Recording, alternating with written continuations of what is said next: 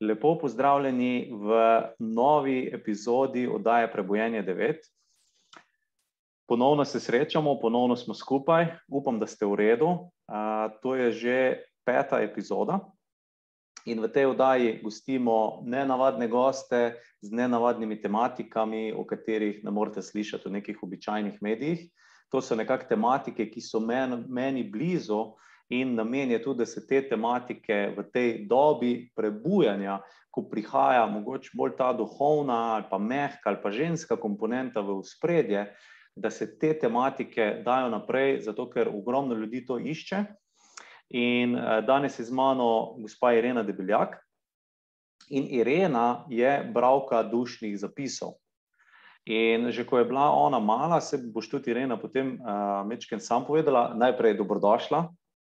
Pozdravljeni.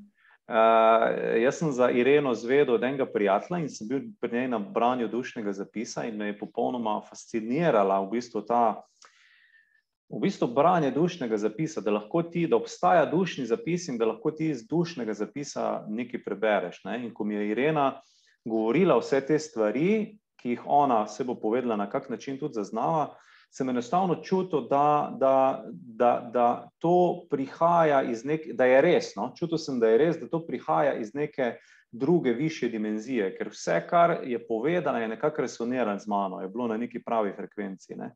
In Irena je že kot, je že kot majhna. Uh, zaznavala te nevidne svetove, ne? ali so to duše, ali so to angeli, bo tudi sama kaj več povedala. Ta nevidna bitja ne? uh, in ta nevidni svet obstaja.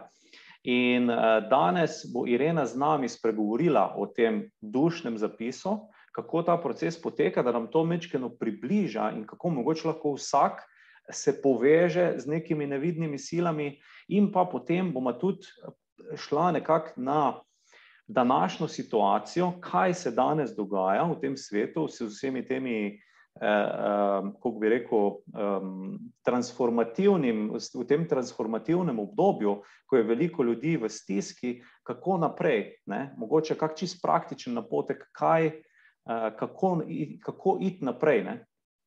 In eh, ta dušni zapis v bistvu pomaga, da se ljudje lažje znajdejo v življenju, ne? da spoznajo več o sebi, vidijo širše in globlje.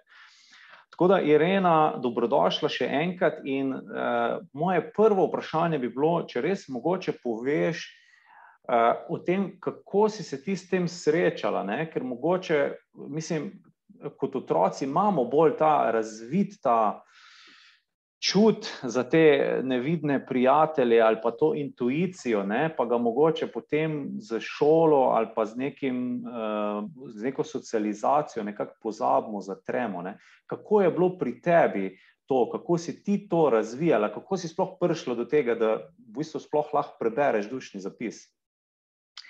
Ja, to je, um, ko ne ti rečem, ena res taka um, zdaj, ne, ko to prebiram, je to rezultat v resnici enih nakupičenih delčkov, ki so se sestavljali v mozaik od začetka mojega življenja. In vsak let je moje branje mal drugačno, dopolnjeno, z drugimi uvidi, z mogoče tudi drugačnimi, eh, ne drugačnimi, ampak še bolj sistematičnimi v pogledi v določene dele zapisane da se vsak let na enem področju, ali pa na večjih, še malo bolj uh, osredotočam. Tako da razvijam svojo, ta svoj dar. In že od malega, veš, se spomnim, sem bila stara tam ene par let, jaz sem že govorila, ti si tak, pa tak. To si ti pa ti. Ne? Jaz sem videla v ljudeh stvari, ki jih drugi niso videli. In uh, ko sem bila še majhna, jaz sem hodila v gost. In sem se pogovarjala s temi vilini in škrati, meni je bilo to tako resnično, in nobenemu nisem mogla tega povedati. Res sem imela čist svoj življenje. Nisem imela toliko fizičnih prijateljev. Nisem imela nekaj. Pa si to tudi vizualno zaznavala? Ali samo preko, šeste, preko nekega občutka notranjega? Videla sem. Jaz Aha. sem to odkud kot tebe. Jaz se spomnim, ne vem, mogoče sem bila stara 8, 7, 8, kaj sem tam nekje. Jaz sem to videla. Meni je bilo to svet, ki je bil za me dosti bolj normalen in prepričljiv kot življenje z ljudmi, med katerimi se pa odnegdaj nisem dobro počutila. In če se spomnim otroštva in odnosov, in to meni bilo to vse prezahtevno.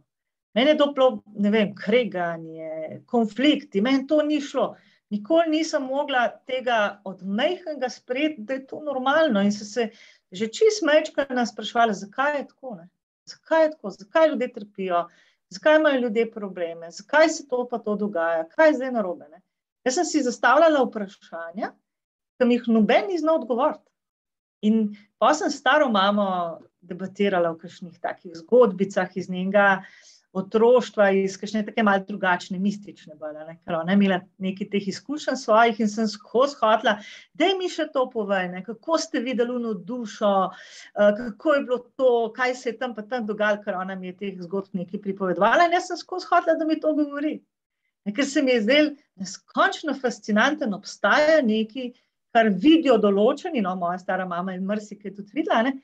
In jaz sem želela ljud, z ljudmi to govoriti. Mene, kaj je tam, ne vem, šola me nikoli ni zanimala, niso me zanimale povprečne stvari, kar se, ne vem, povprečnemu človeku zdi vse super, pa oh in sploh. Meni pa ne, ne. In ta razlika med mojim dojemanjem sveta in dojemanjem večina okoli mene je bila taka um, neverjetna razlika. Ne.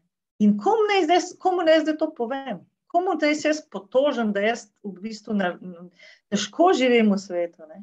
da težko poslušam te zaplete, da se skozi neki uh, morajo uh, pravzaprav. Ja, Konflikto, da, ima, skozi neki konflikti. Zakaj je to treba? Ne? Posebno, ker sem pač živela v okolju, kjer je bilo tega res veliko. In pa sem ljudem govorila o njih. Ne? To se pravi, sem jim ta zapis o njih samih brala že zelo zgodaj. In jaz sem rekla, da ni v redu, ne, pa nisem vedela, kaj je to. Rekla sem, da je temen, ne, ali pa ta je to, pa to. In so se me ljudje začeli bati in so se me začeli izogibati. Ne. Začeli so pravzaprav, um, veliko sem imela te, uh, teh izkušenj, da niso se hoteli družiti z mano, ker sem bila zelo iskrena. In sem jim govorila o njih tudi to, kar sploh ne vem, nisem vedela, odkje vem, ampak sem vedela. Vedela sem, kakšne razmere imajo doma, recimo, če govorimo o moji uh, osnovni šoli. Prišla sem v razred in se nekaj, ti pa, ti pa, ti ste se o meni pogovarjali, vem, kaj ste se o meni pogovarjali, vem, kaj si mislite. To je bilo grozljivo s temi darovi mojimi biti otrok. Ker prvič, komu zdaj to moje uh, občutje povedati, s kom se sploh lahko pogovarjam, kdo je res uh, mogoče kdo me sploh razume. Ne? Ampak, seveda, mi ti si zaznavala neke stvari v bistvu izven časa in prostora. Ne? Izven časa in prostora.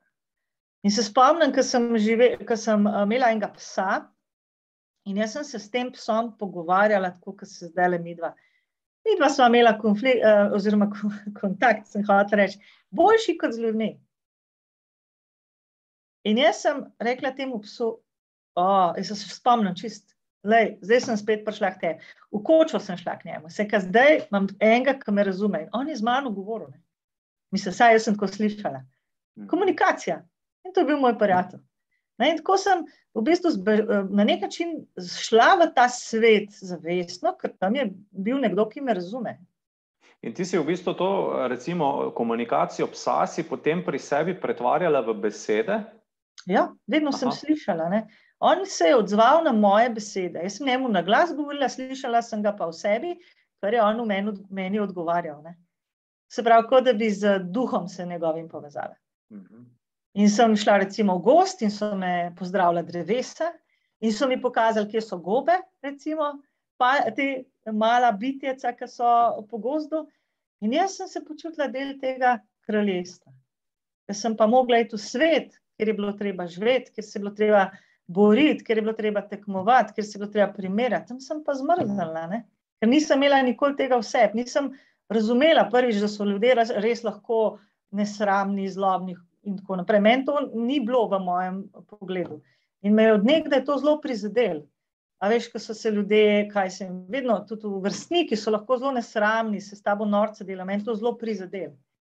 In pa sem se umikala iz tega sveta, ne? bežala sem stran, meni so se ljudje zdeli, po svoje sem si želela družbe, po svoje sem si želela, da bi me imeli radi, normalno, vsak si to želi. In sem hrepenela, dej, da se pogovarjam, dej, da nekoga povabim, dej, da z nekom nekam grem, ne? dej, da nek, nekomu nekaj dam, sam da me bom imel rad. Ne? Neskončna ta potreba po tem občutku, seveda, da sem ljubljena, ampak od okolice jaz tega res nisem dobila. Tudi v bistvu v resnici ne verjamem, da lahko to od, od, od okolice res dobiš do take mere, da si nekako sebi zadovoljen, da je to res tisto polnost. Skozi bolj to spoznavam, da pravzaprav lahko te zunanje ljudje nam že dajo en občutek, da smo fajn. Ampak ali smo res zaradi tega ljubljeni znotraj, to se pa vedno bolj sprašujem, ali je to res možno, da pride v človeka. In prihajam do odgovora, da ne. Je nekaj, kar presega čas in prostor. Ne? In ta ljubezen ni uh, slučajno rečena, ljubezen do sebe je tista bistvena. Ampak jaz že toliko in toliko let o tej ljubezni govorim, ampak tudi ne morem reči, da sem skozi to razumela. Da sem vedela, kaj govorim, v resnici. Govorila sem nekaj, kar pa doskrat nisem sama mogla uh, iz svoje lastne izkušnje, razen seveda sem pa tja normalno, ker si v enem višjem stanju. Ampak v, v povprečnem svetu sem se sama osebno srečevala z mnogimi notranjimi občutki, ki so mi pa nasprotno na govorili, ne? Bistu, da ne pašem v svet, da nimam tukaj kaj iskati, da kaj sploh delam tukaj v tem svetu. Nisem našla poklica, ki bi me zadovoljil. Ne? Jaz sem hotela delati z ljudmi in to sem povedala v svoji, eh, kaj je bila tam pedagoginja v šoli. Ona me gleda, kaj, nimaš dobrih ocen, ne moreš biti psiholog, ker kdo pa dela z ljudmi drug, kot psiholog. Ne? Se pravi, sem že takoj padla ven iz tiste možnosti, kaj bom zdaj jaz počela. To se pravi, eh, pot mi ni bila nekako tlakovana, ali pa nisem imela fizično tako tlakovane, da bi se lahko izobraževala uradno, torej nekako preko uh, inštitucije, ne, da bi pridobivala znanje. Tako da sem pravzaprav bila prepuščena sama sebi. In sem iskala potem znanja od malega. Jaz se spomnim, bila sem stara mogoče 13 let. Jaz sem prebrala vse tiste revije, arka, tajne, to, kar se je dal dobiti v hrvaščini, sej. V slovenščini ni bilo, ne, kaj je prišla avra, to je bilo pa zelo kasne, precej kasneje. Ampak jaz sem to požirala, ne. Kar mi je prišlo v bistvu v roke, ker jaz se spomnim, da sem, ne vem, bila sem po moja stara osem let slišala konc svetabo. Mene je to vrgalo v totalno uh, dramo, ne. Kaj je to zdaj pomeni? Da, kdo bo meni zdaj to razložil, da sem jaz na televiziji to slišala, ne. In mi noben ni razložil, ne.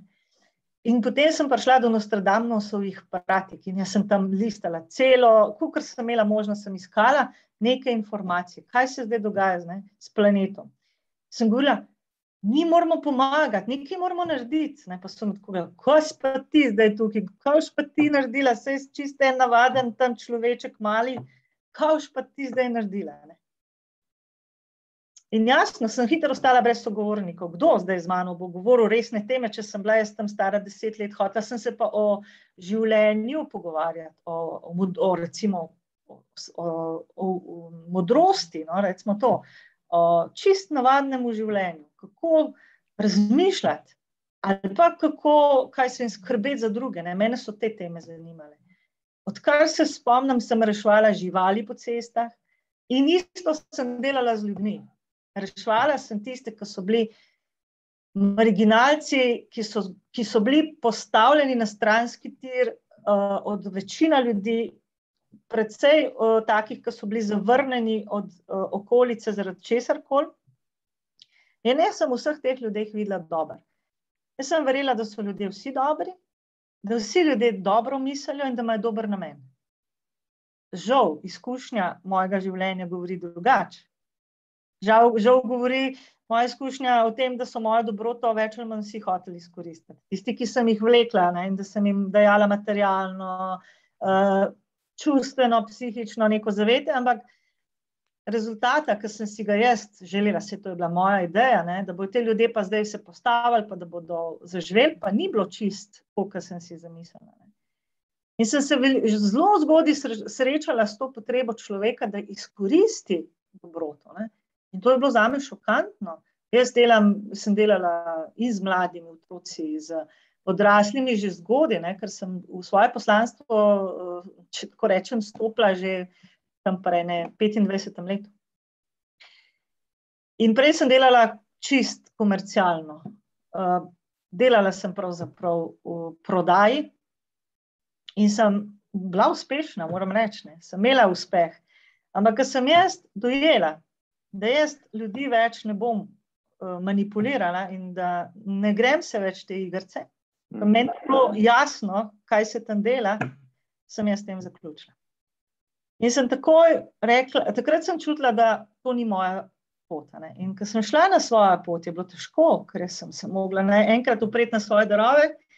In nisem vedela, kako zdaj te darove uh, materializirati, kako zdaj s temi darovi uh, si ne na zadnje. Irena, če te lahko samo eno pod vprašanje posta, postaviš, eh, nekaj mi reče, da te moram, nekaj mi pravi, da te moram to vprašati. Recimo, eh, marsikdo se verjetno srečuje s tem, da je želi dobro, vidi dobro v ljudeh, pa je potem izkoriščen. Ne? A bi lahko ti rekla, da si ti bila nek energijski portal in so oni nekako uh, uh, zaznali to tvojo energijo in jo nekako hoteli za sebe uh, vzeti, ne? pa kako se zaščititi?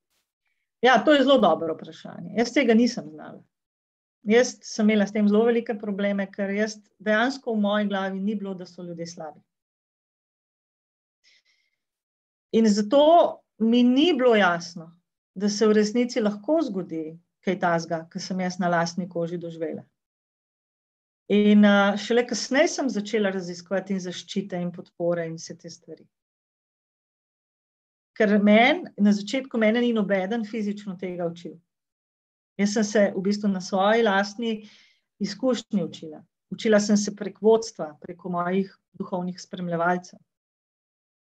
Učila sem se od tega, kar mi je bilo na nek način postavljeno na pot, in so me izkušnje učile. Ne? In pa sem pridobivala, seveda, tudi izkušnje, recimo, temu, mislim, opazovala sem druge. Tako da sem se učila, ne bom rekla iz izkušenj drugih, ampak probala sem narediti ali pa. Um, Probala sem se naučiti stvari, da bi mi koristile, no, z eno besedo. Ampak od ljudi nisem dobila znanja. Ljudje mi tega, čeprav sem si zelo prizadevala, obiskala sem tudi jaz osebno zelo veliko ljudi, ki se ukvarjajo s temi temami, ampak meni osebno zelo, zelo malo je kdo lahko pomaga. In tako da sem se mogla kar na sebe zanesti, na svojo lastno uh, vodstvo, na lastno pot in seveda začeti. Sem začela delati, um, pomagati in seveda tako je tudi dan danes. To se pravi, da, to se pravi, da, moramo, da, da moramo zaznati, kdo, uh, kdo, kdo ima lahko potencialno nek slab namen, ne? oziroma je, je ja. energijski vampir, kako rečemo. In najbolj svetle podobe na fizični ravni so lahko jih kontra. Ne? Tokrat je ta uh, tema skrita za svetlobo. In moram priznati, da se še zmeri tega učim, ker še zmeraj sem doskrat uh, preveč še v tej predstavi dobrih ljudi, ne?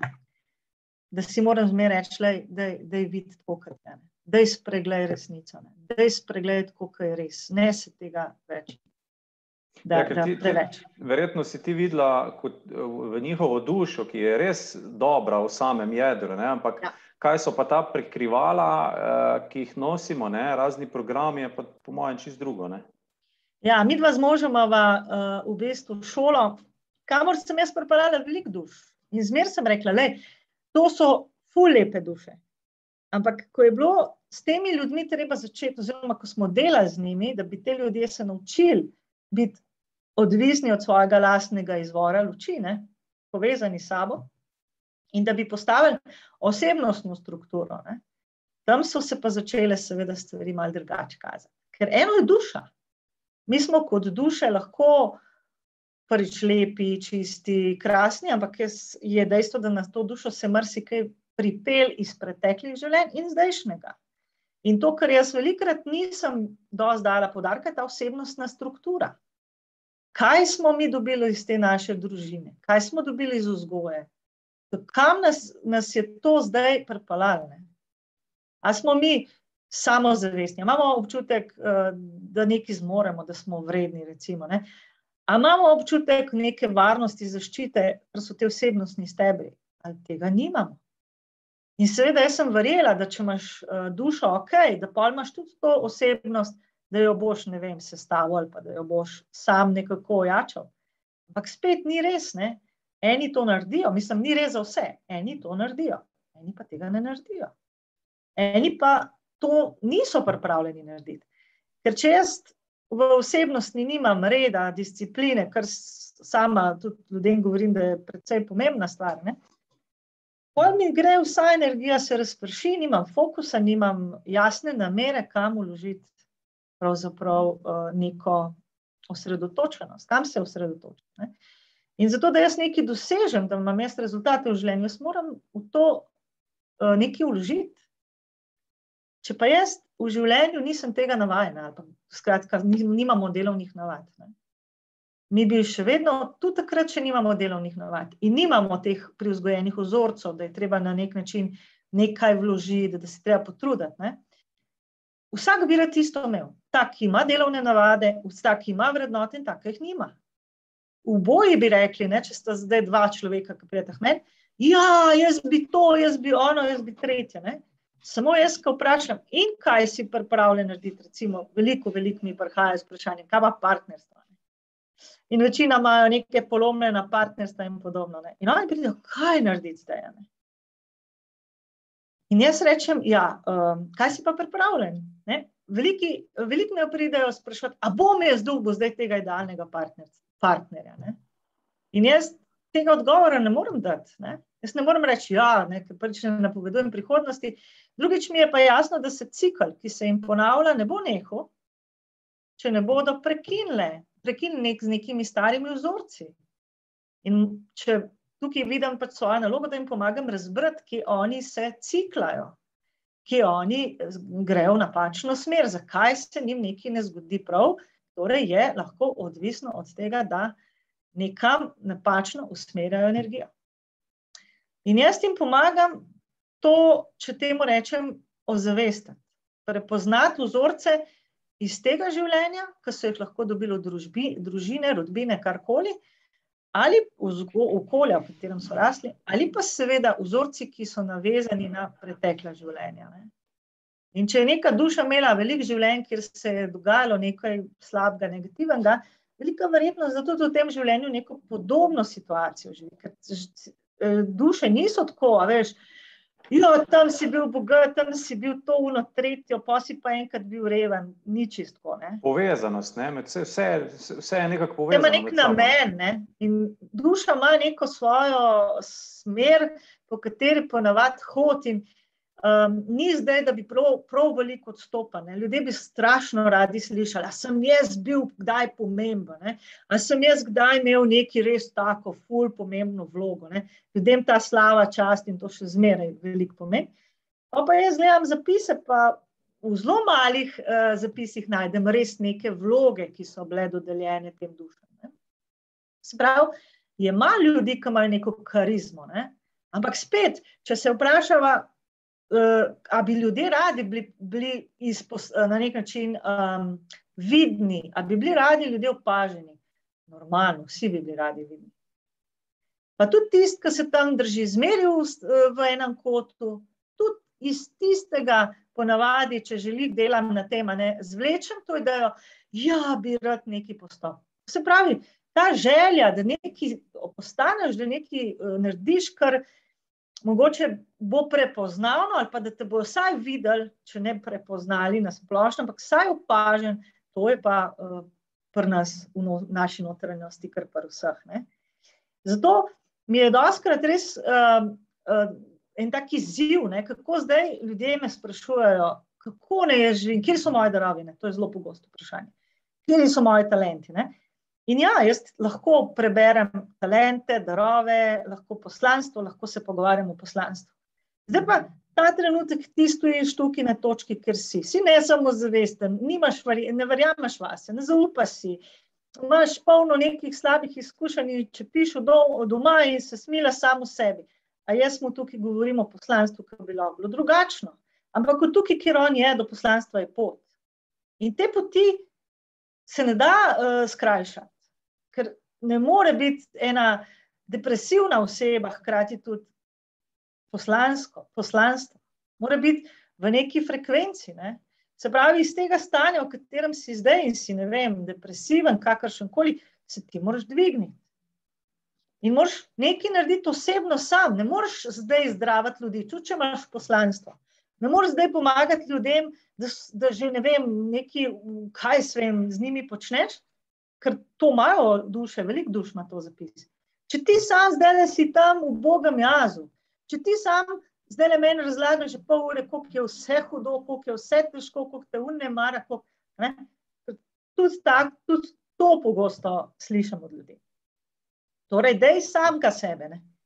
Se pravi, se odvadi se biti negativen. Jaz to strašno veliko, zelo veliko poudarjam. Ne? Ne se temu prepuščati. Ne, jaz nisem tolerantna do tega jokanja, stokanja, pritoževanja, jaz to hitro ustavim drugače. Ker sama sebe v tem ne, ne zadržujem, sama sebe v tem, če se le da, pridejo seveda vedno tudi situacije. Ampak jaz osebno živim to, kar potem želim tudi drugim predati. Se pravi, če bi tisto, kar jaz iz sebe čutim, da je prav, tisto lahko potem svetujem ljudem. In Ja, vem, ker, da ker Ja, mi veš. smo programirani, smo, ne? programirani smo iz vseh koncev, predvsem iz televizije, in vse nas v bistvu vleče v te v bistvu nižje frekvence. Ne? Vse je neko streljanje na televiziji, pritoževanje, strah. Ne? To se mi zdi ena tista stvar, in se mi zdi, da kar odvisni postanemo od tega. Ne? Druga je pa to, kar si omenjala, ne? smo sprogramirani na tak način, da, da želimo kar hitre rešitve. Ne? Dan se namaže s kremco, jutri bo šlepa, ne, recimo. Eh, Nimamo tega časovnega horizonta, tako kot si ti rekla, ne, da je potrebna pot za nekaj narediti. Ne. Da je v bistvu, da preden ti dvigneš frekvenco, traje in ti moraš delati. Ne. Tako, no, mogoče Absolutno. kaj o tem, če poveš še. Ja, danes uh, je na tržišču ogromno ljudi, ki ponujajo instant rešitev. Kot si rekel. In uh, stiska človeka, ne bo psihična, fizična, kakršna koli, te pripelje do različnih ljudi. Skozi več. Zdaj pa, kakšno imaš ti tisto čarobno palčko, če jo imaš? Ne? Ja, velika verjetnost, da kratkoročne rešitve enega človeka, ki ima res probleme, ne bodo rešene. Se pravi, ne verjamem, da je možno za eno tako, uh, kot jo nekateri tudi dejansko um, ponujajo čarobno palčko, odčarati človeka. Zato, ker da se je on znašel v situaciji, kjer je fizično zbolel, kjer ima ne vem, take in take probleme. Zatem stoji cela, cela paleta vzrokov. In jaz, tudi če te vzroke preberem, ker jih lahko, njega še zmeraj ne bom rešila, ker tudi ga ne morem. Uh, lahko ga ozavestim, poglej, tukaj si zaradi te pa te situacije. Tvoja pot bi bila lahko, če se na nek način spremeniš. To je neobhodno. Kako se bo zdaj ti spremenil? Ja, tako, da bo začel stvari delati drugače, kot si jih. In se začne čisto z osnovnimi stvarmi. Ne? A veš, koliko ljudi, kaj se vem, smo navajeni na neke vedenja, na neko ne na zadnje razmišljanje, ker smo programirani. In ta pot od tukaj, ker se nahajaš in si bolan in te matrajo to, pa te pa te stvari, pa do tam, da bo super, da boš v nekem smislu uh, doživel res to srečo, je pot odpovedi. Mm. In tega ljudje nimajo to kradi. Ker ko omenjam odpoved, je že to v ljudeh, wow, kaj zdaj to pomeni. Ne? Pa bi lahko rekla, da je to osvoboditev od odvisnosti. Ja, absolutno. Ker odpoved ni zdaj uh, vedno samo materialna. Ne? Ne vem, če si ti odvisnik od trave, je jasno, da je zdaj fajn, da to pustiš. Ne? Ali pa če se. Ampak, če imaš pa uh, bolj problematične so odvisnosti, ki so na ravni, uh, to se pravi, ne fizične odvisnosti. Ker se pa dosti teže odpovedati. Ne? Čemu se ljudje najtežje odpovedajo? Kontroli. Tega, da imajo vse v nekem smislu pod komando. Temu, da imajo zelo močen svoj prav, ali pa da imajo močen, recimo, svoj ego. prepričanje vase. Uh, ni res, da so ljudje um, v povprečju, uh, uno, uh, ne verjamem vase, pa tako naprej. To, je, to, je, to ni res. Res je, da so ljudje večinoma preveč prepričani, da imajo prav. Preveč verjamejo svojim občutkom. Preveč, pa ne unim ta pravim, ne? ker obstajajo ta vsaj dve vrste občutkov. Eni so tisti, ki ti pridejo po navdihu in so motivacijo in so spodbuda in te peljejo na pot višjih dimenzij, če tako rečemo. In so zmeraj inspirativni in so zmeraj navdihujoči, lahko tudi opozorilni, sam nikoli niso čustveni. Potem imamo pa mi celo paleto občutkov, ki so čustvenega izvora in so iz naših izkušenj, iz naših spominov. In ljudje raje verjemejo tem občutkom, ker to je bolj varno. Ne? ker te so agresivni v resnici, ampak ljudje raje imajo to. Se pravi, raje verjamejo, jaz sem slabe volje in sem do tega upravičen. Jaz sem nesrečen in prav je tako, mislim, ne prav, ampak ko je, ko je ne, v tem smislu, ne prav je, ampak ko pač je, se sprijaznijo s tem. Ne? Ker v bistvu ljudje imajo, vsaj po mojih izkušnjah, mogoče premalo te inicijative, generalno se moram spremeniti. To se pravi, fundament, moj osebni temelj moram spremeniti. Tam, kjer sem se jaz zgradil, moram iti nazaj in pogledati, kako je moje življenje potekalo do zdaj, in pogledati, kaj pa mogoče ni najboljš za mene, in to, seveda, vrštveni svojega življenja.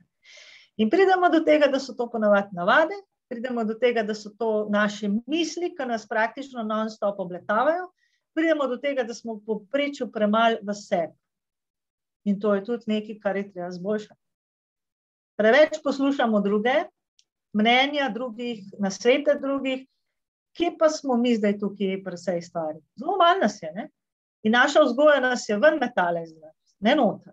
Nam niso rekli, samega sebe se nauči poslušati. Nam so rekli, to je pametno, to se uči, to znanje rabiš. Usmerjali so nas na zunaj vzgajali so nas in v šolah, v družinah, v to, da mi nismo to, kar smo. Torej, noben se ni ukvarjal, ti si pa talentiran za kreativnost, da je kreativen bod, da je to pa to delaj. Kako smo mi dobili v svojem otroštvu motivacije? Ne vem, mogoče ti si jo. Ampak uh, moja generacija ni bila uh, toliko pod tem. Se pravi, zdaj mogoče te generacije je tega ve, veliko več, kot je bilo. Ampak za mene osebno, jaz tega nisem, jaz te sploh ne vem, kaj to je, če te nekdo spodbudi, motivira. Ne? Je bilo prej kontra vse skupaj. In pol, kako boš zdaj iz tiste podobe, ki si jo zgradil iz tega okolja, ki je nekje vpliv, seveda, mnenja drugih, ali pa njihovega videnja, ali pa njihovih prepričanj, kako boš zdaj ti vedel, kdo si, če ti to nobeni povedal.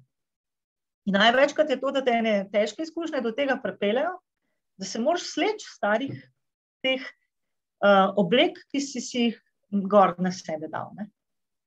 In se moraš tega na nek način osvoboditi.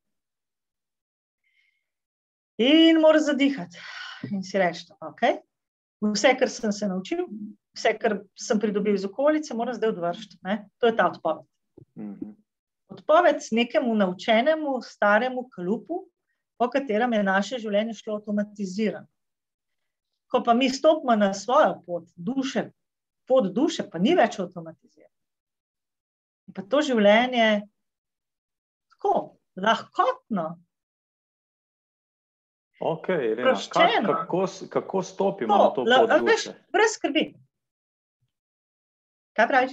Kako stopimo na to pot duše? No? Mogoče, evo, glih se nanaša na naslednje. Kako stopimo na to pot duše, oziroma kako zdaj zaznati ta notranji občutek, ne, ki ga tudi ti umeniš, kako bolj poslušati sebe, ne toliko okolice, ne, ker mi smo vedno navajeni bili, uh, drugi bojo za nas odgovornost prevzeli, uh, drugi bolj vejo, zdravnik bolj ve, učitelj bolj ve, ne, delodajalec bolj ve, ne, da dajo ti službo, dajo ti zdravnika, dajo ti stanovanje, vse.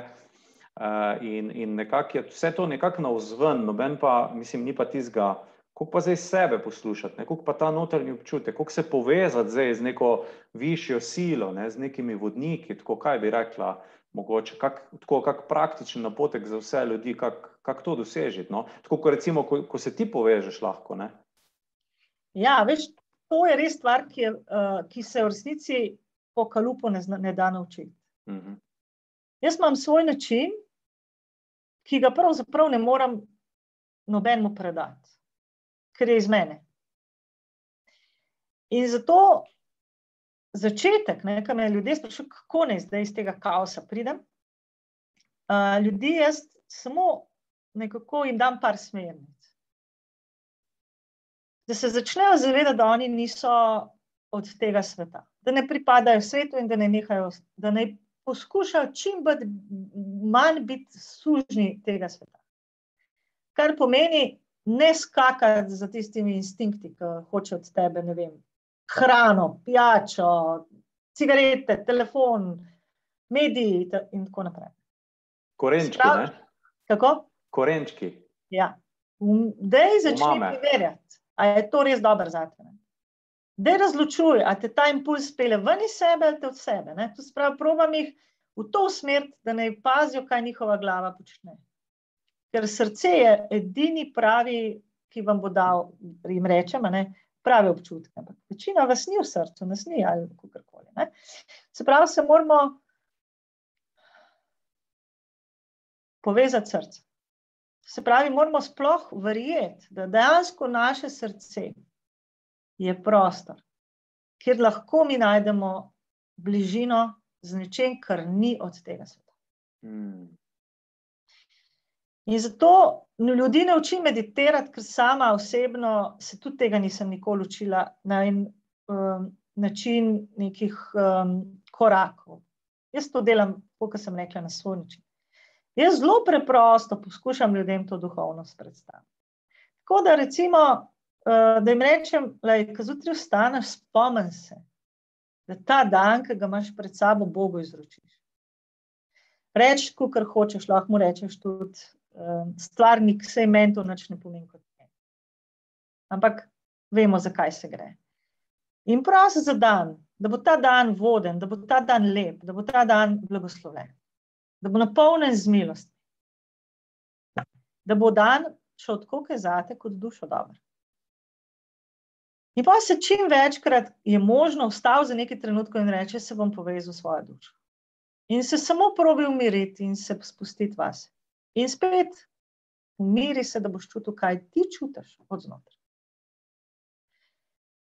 In potem jih učim, probi čutiti, kaj doživljaš v odnosu z drugimi, a se počutiš dobro, ali se ne počutiš dobro. Probi prepoznati po svojih občutkih, v kakšnem krogu se gibaš.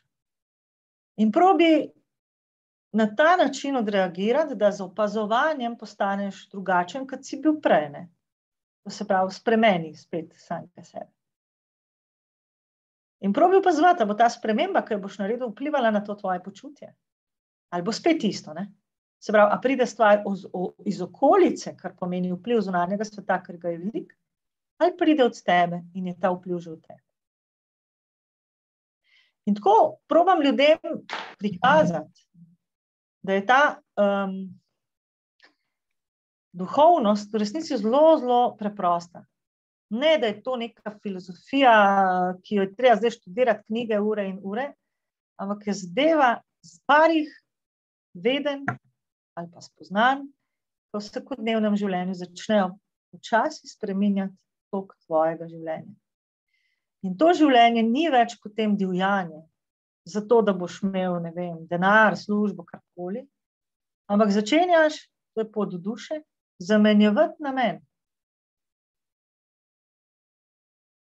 Torej, nisem več usmerjen v zunanji svet, ki me je prej nekako hotel imeti za sebe. Usmerjam se vase in želim to, kar je za me prav. In prepuščam, da se zgodi tako, kot je prav. V najvišje dobro.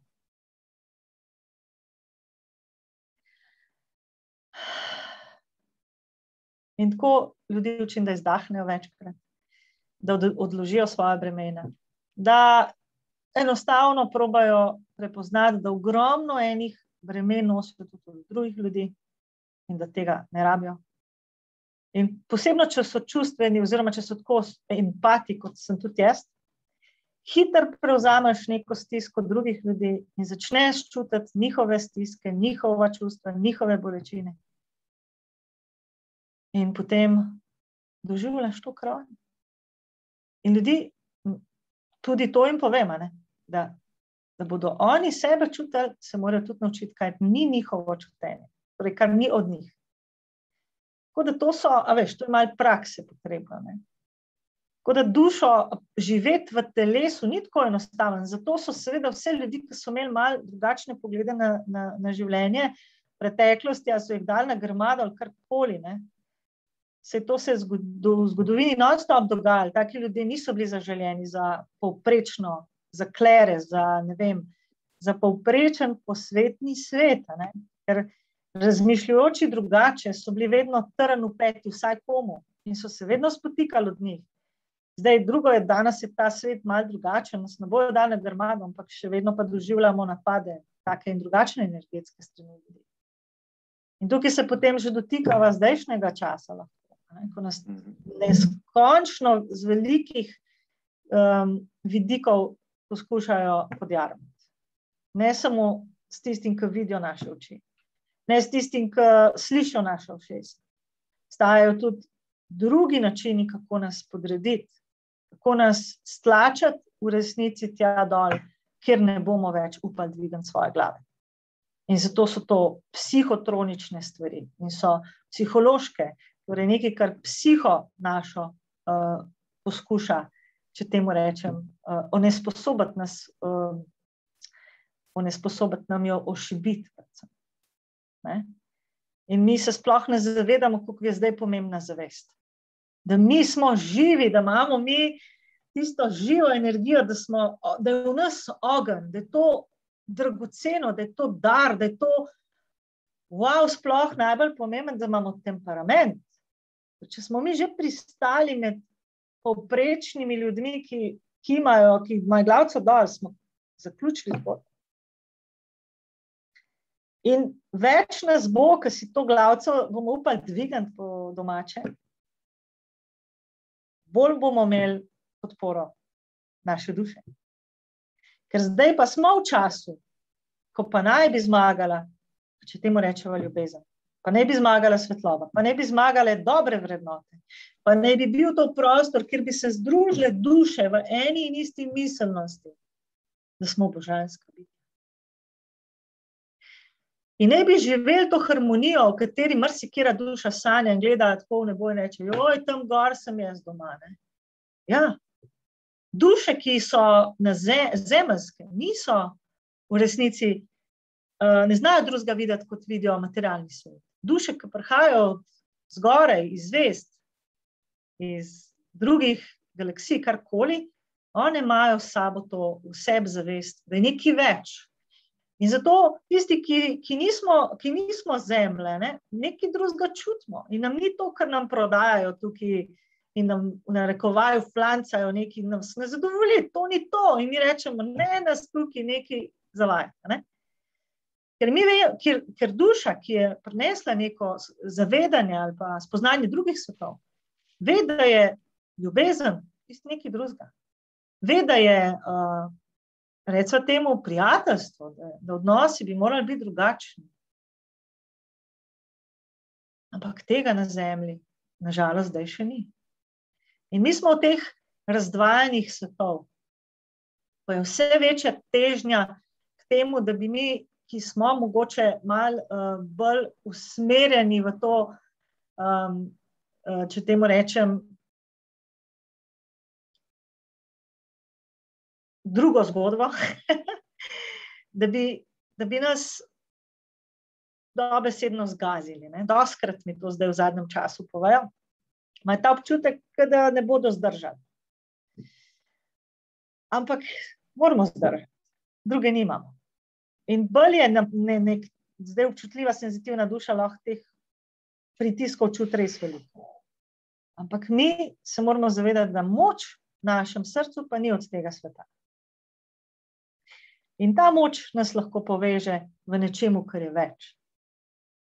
Ne tista v glavi. Mi si lahko tako govorimo mrske, ampak glava nam ne bo dala nič v resnici. nas bo samo um, napolnjena z informacijami. Ta moč je tista, ki nekaj velja. In zato je siguren um, čas povezovanja v ljubezni. To sem popolnoma prepričana.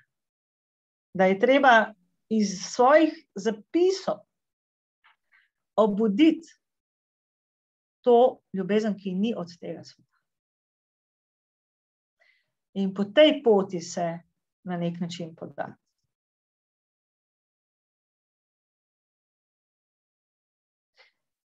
To je moje uh, razmišljanje. Mhm.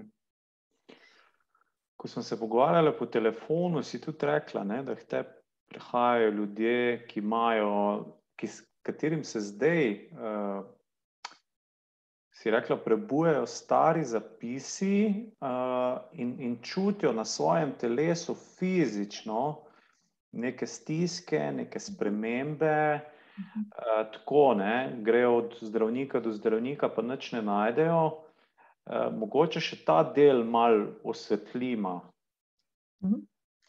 Ja, uh, ob spreminjanju naše, če temu rečem, energije, se spreminjajo vsi nivoji, ker mi smo iz večjih teles sestavljeni.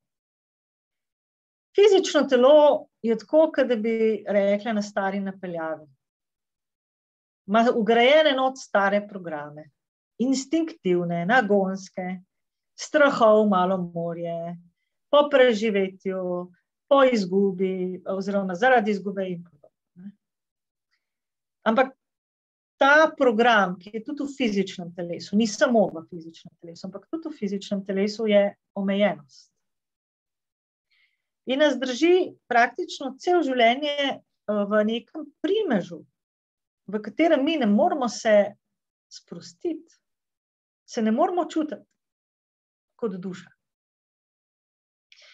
In da bomo lahko se bolj počutili povezane s telesom, se mora tudi telo v svoji frekvenci spremeniti in se mora transformirati.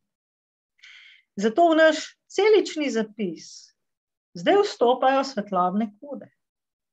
In mi zaradi preteklosti imamo genetiko zelo obteženo z nekimi temi negativnimi stvarmi, ki se na nek način morajo transformirati z našega telesa, ampak mi jih mogoče po svoje tudi ne bi dali, ker smo se na njih navezali.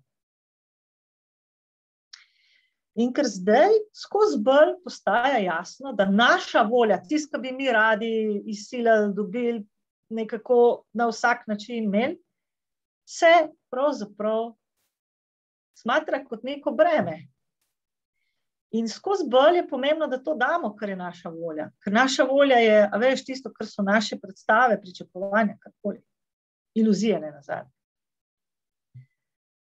In ta del, da se mi odpremo eni volji, ki je za nas res najboljša, duhovni volji. Ne?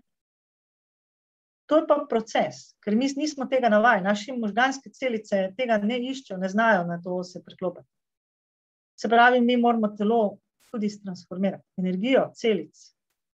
In naše telo gre zdaj tudi čez proces prebojenja božanskega zapisa. Zato to pomeni lahko za nas tudi bolečino. Lahko je to telo zveriženo, lahko doživljamo bolečine po celem telesu, in potem prideš v zdravniku in ti reče: fibromialgija. To znajo, to so se naučili, da bojo, to je bolezen tega časa in še kakšne druge stvari. Ne.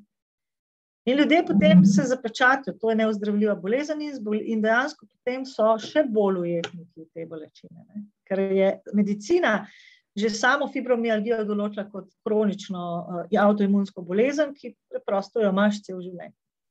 Se pravi, se te ne da rešiti. Ne. In zato se uh, naša zavest premika proti temu, da bomo začeli doživljati vse več tega, kar je prav, kar je zares resnica. Ampak laž, ki nas je toliko časa spremljala skozi vse inštitucije, je pa tudi nekaj, kar hoče iti naprej, ampak ne more. Se pravi, smo na prelomnici. Mi moramo te laži prepoznati in jih pustiti in sprejeti resnico. Zamenjati moramo laži za resnico in to je doskrat zelo zahtevno. Ampak tukaj ko začnemo spuščati to svoje krepenje po zemeljskih stvareh ali pa po predstavah, po idejah, začnemo postajati svobodnejši in se umirimo. In začnemo dihati, in rečemo, da je to. Ker veš, da takrat, ko si pa resnici se spet odprl, te pa ne bojo več, okolj pa naš. In seveda tudi namen, da zveš ti resnico skozi branje, ne, je temu, da prideš bolj v stik s svojo lastno resnico, da se ti bolj to obzorje odpre, da se mogoče preko tega zapisa tudi dobi, ne bom rekel, potrditev, ali pa tudi, da si mogoče po kakšne stvari prav čutil, ampak tega noben ni razložil, zakaj ali pa kaj sploh.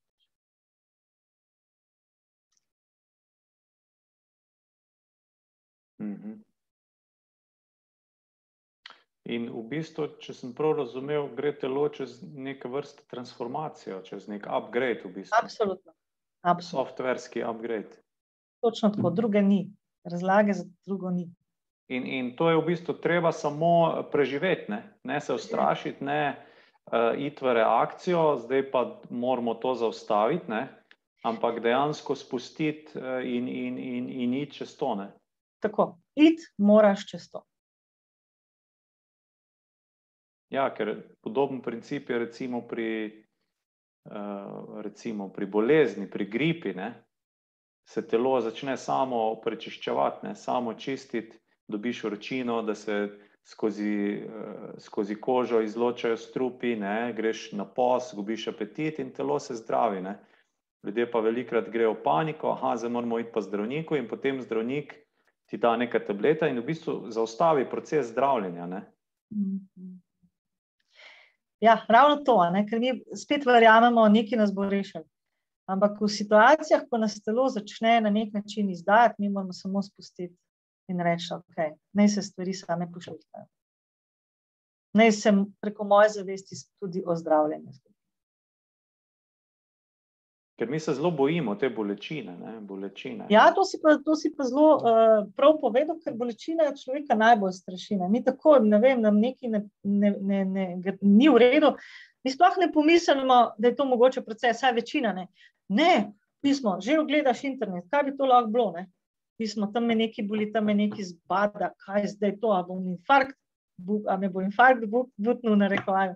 Ampak ljudje v povprečju, ki grejo čez to transformacijo, jih vse tišči v prsih, tišči jih v srcu, tišči jih v telesu, ne, ne počutijo se dobro v svoji koži. Tako da tisti, ki imajo močno transformacijo, vsi to izgovorijo.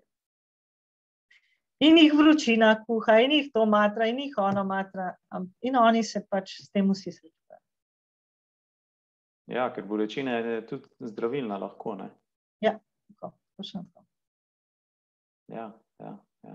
Jaz sem zelo trenutno na postu, mislim, da je že 18, 19 ali celo 20 dan, ne štejem več na, na sadnih sokovih. Ne, in, ja, in telo se čisti, ne, fizično telo se, se čisti na postu. Uh, prvič, da sem tako dolgo obdobje. In ja, te, te bolijo v hrbtu mišice. Ne, uh, Seveda, ker se more. Tako, tako. Telo se pri postu, tudi jaz se postim sokovi, in vsak let to prakticiram. Tako da uh, iz svoje prakse povem, da ko nekaj časa to ne delam, telo začne to iskati. In pokaj ne grem, ker hodim pač na to skupinsko postenje, grem to, da se tam dobim za gom, pa, pa sama nadaljujem. Ampak, če pa zdaj nimam lih tega skupinskega, pa pa sam malo teži. Ne? In ko pa kakšno pauzo večjo naredim, meni telo sporoča, mora se očistiti. In tako se isto hoče telo očistiti na vlak naših misli, naših čustev, naših travm, ki jih nosimo, boh poiskati v preteklosti. Ja, ja, ja. In s fizičnim telesom se čisti tudi uh, vsa čustva, vse misli, vse, vse te zadeve. Ne. Tako. Se začnejo vsa, recimo, stare eh, travme, ne? jeza, ja. mogoče žalost, take stvari jaz tudi doživljam zdaj med postom. Ne? In jaz sem šel na pozdrav zaradi tega, da se očistim teh uh, čustvenih navlak, ker vem, da me še vedno držijo in se zaradi njih tudi kdaj vrtim v krogu. Ne? sigurno. To je definitivno vse povezano. Telesu, ki enkrat odzameš hrano, on je uh, ponavadi po parih dneh išče hrano, potem se pa, uh, jaz pravim, raztapljajo tudi tiste zaloge, ki niso samo fizične, ki pravzaprav v telesu delajo breme. In tu pridemo do čustvenih navlak. -hmm. Tako da je super. Ja, ja, super, ja, super zadeva. Ok, Irena, da vidimo, če imamo še kaj te za vprašati. Uh, ja, to sem te hotel vprašati. Uh, kje se pa pustiš eh, skupinsko, če lahko izdaš? Pri uh, preporodu. Aha, pri preporodu, aha, poznam, poznam. poznam. Uh, to je tudi zelo, ja, bom mogoče. Tudi priporočam, sam zdaj ne da delam reklamo, ampak uh, ja, je v redu stvar. Ja, ja. Preverjena ja. in dobra. Gospod Marjan Videnšek, ne? Tako. Ja, super, super. Ravno si zdaj po mailu z njim pišem, da grem enkrat k njemu osebno, da ga spoznam. Ja. Ja? Je, Men, je, uh, moram priznati, je odprl obzorje s tem postom. Jaz sem se bala biti en dan lačna in ko sem šla prvič na post in sem preživela deset dni, sem se počutila totalen zmagovalec. Tem je pa to praksa in je on seveda pri tem imel tisto vlogo, ker me je spodbujal in tudi mi je marsikaj povedal, oziroma nam vsem kot skupini, kaj je sploh smisel. Tako da zdaj res vem, da je to, da to ni modna muha, ne? Je to potreba. In žival, ki je bolna, gre in se posti, ne je, in pa je spet ok. Sprav, sam človek je na to hrano preveč navezan in ga dela odvisnega. In hrana je ena večjih odvisnosti, kot so prej od odvisnosti. Mm -hmm. In to je deset dni potem, ne? Ja. Mm -hmm. Mm -hmm. Super. Ok, um, da vidimo, kaj še lahko mi tebe vprašamo. Mislim, da smo kar. Da smo kar zaokrožili. Ne? Da smo kar nekako zaokrožili, večino stvari smo nekako obdelali. Uh, tudi tukaj imam zapiske od takrat, ko smo se po telefonu pogovarjali. Jaz mislim, da smo kar zaokrožili in nekako podala v svet uh, te informacije, ki so bile za podati danes. Tako da, Irena, jaz se ti najlepše zahvaljujem, da si bila z nami in z vsemi nami podelila tvoje znanje in uh, praktične napotke. In zdaj pa je na vsakemu izmed nas, da vzame življenje v svoje roke in, kot smo tudi mi dva, Irena, rekla, prevzame odgovornost. Ne? Prav, to se mi zdi ključna beseda. Prevzemi, da ljudje prevzamejo odgovornost za svoje življenje. Potem v tistem trenutku ni več noben kriv za njihove probleme. In tudi na nek način dobiš kontrolo. Ne? In začneš ustvarjati, ker noben ti ne bo pomagal, ne? sam si boš mogel. Ne? In to je tako, vedno je v notranjosti to nekje. Ne? Ker tudi jaz sem se sprašal, ali bi šel v Ameriko živeti, ali bi šel tja živeti. In me je tako, kar nekam vlekel drugam, ne? potem sem pogotovil, pa se vse en praktično. Ne? Praktično je čisto vse en, ker jaz sem lahko zadovoljen in srečen in uspešen, kjerkoli sem, ker to ni odvisno od ja. nekih zunanjih dejavnikov. Ne? Se strinjam. Ja. Tako da, ok, najlepša hvala vsem, ki ste nas gledali, ki ste bili, ki ste bili z nami. Tako da, um, Irena, jaz ti želim vse lepo, prav tako vsem vam, uh, gledalcem, ki ste bili z nami. Tako da, kot smo rekli, informacije imate, informacije ste dobili, zdaj pa, zdaj pa vam uh, podamo žogo, zdaj ste pa vi na vrsti s prejemanjem odgovornosti in predvsem akcijo, da greste v akcijo, da greste čez proces, ki je lahko boleč in bolečina je zdravilna. zdravilna. Eh, in uh, da greste čez to, in predvsem ustrajate, ne? ustrajate do konca, ker hitre rešitve ne obstajajo. Pač to en, enostavno ne obstaja, in treba je uh, gledati stvari na dolgi rok, vzeti stvari v svoje roke in začeti delati, in rezultati se slejko prej pokažejo, in take rezultati potem nekako lažje ostanejo trajni, ne, kot pa neke kratkotrajne rešitve, ki hitro zvodenijo. Tako da, ok, Irena, še enkrat hvala, hvala vsem Prosim. vam. Uh, lepo bodite in se vidimo ponovno čez kakih 14 dni v novi oddaji Prebojenje 9. Gosta še nimam, tako da bomo spet se pustimo presenetiti, um, v katero smer bomo šli, ampak sigurno bo tematika zanimiva, spet bomo odpirali oči na nekem novem področju, uh, da zrastemo, da dvignemo zavest skupaj s pomočjo vseh nas in pa seveda naših čudovitih gostov. Tako da lepo bodite in se vidimo. Čau, čau. Hvala, lep pozdrav vsem. Čau.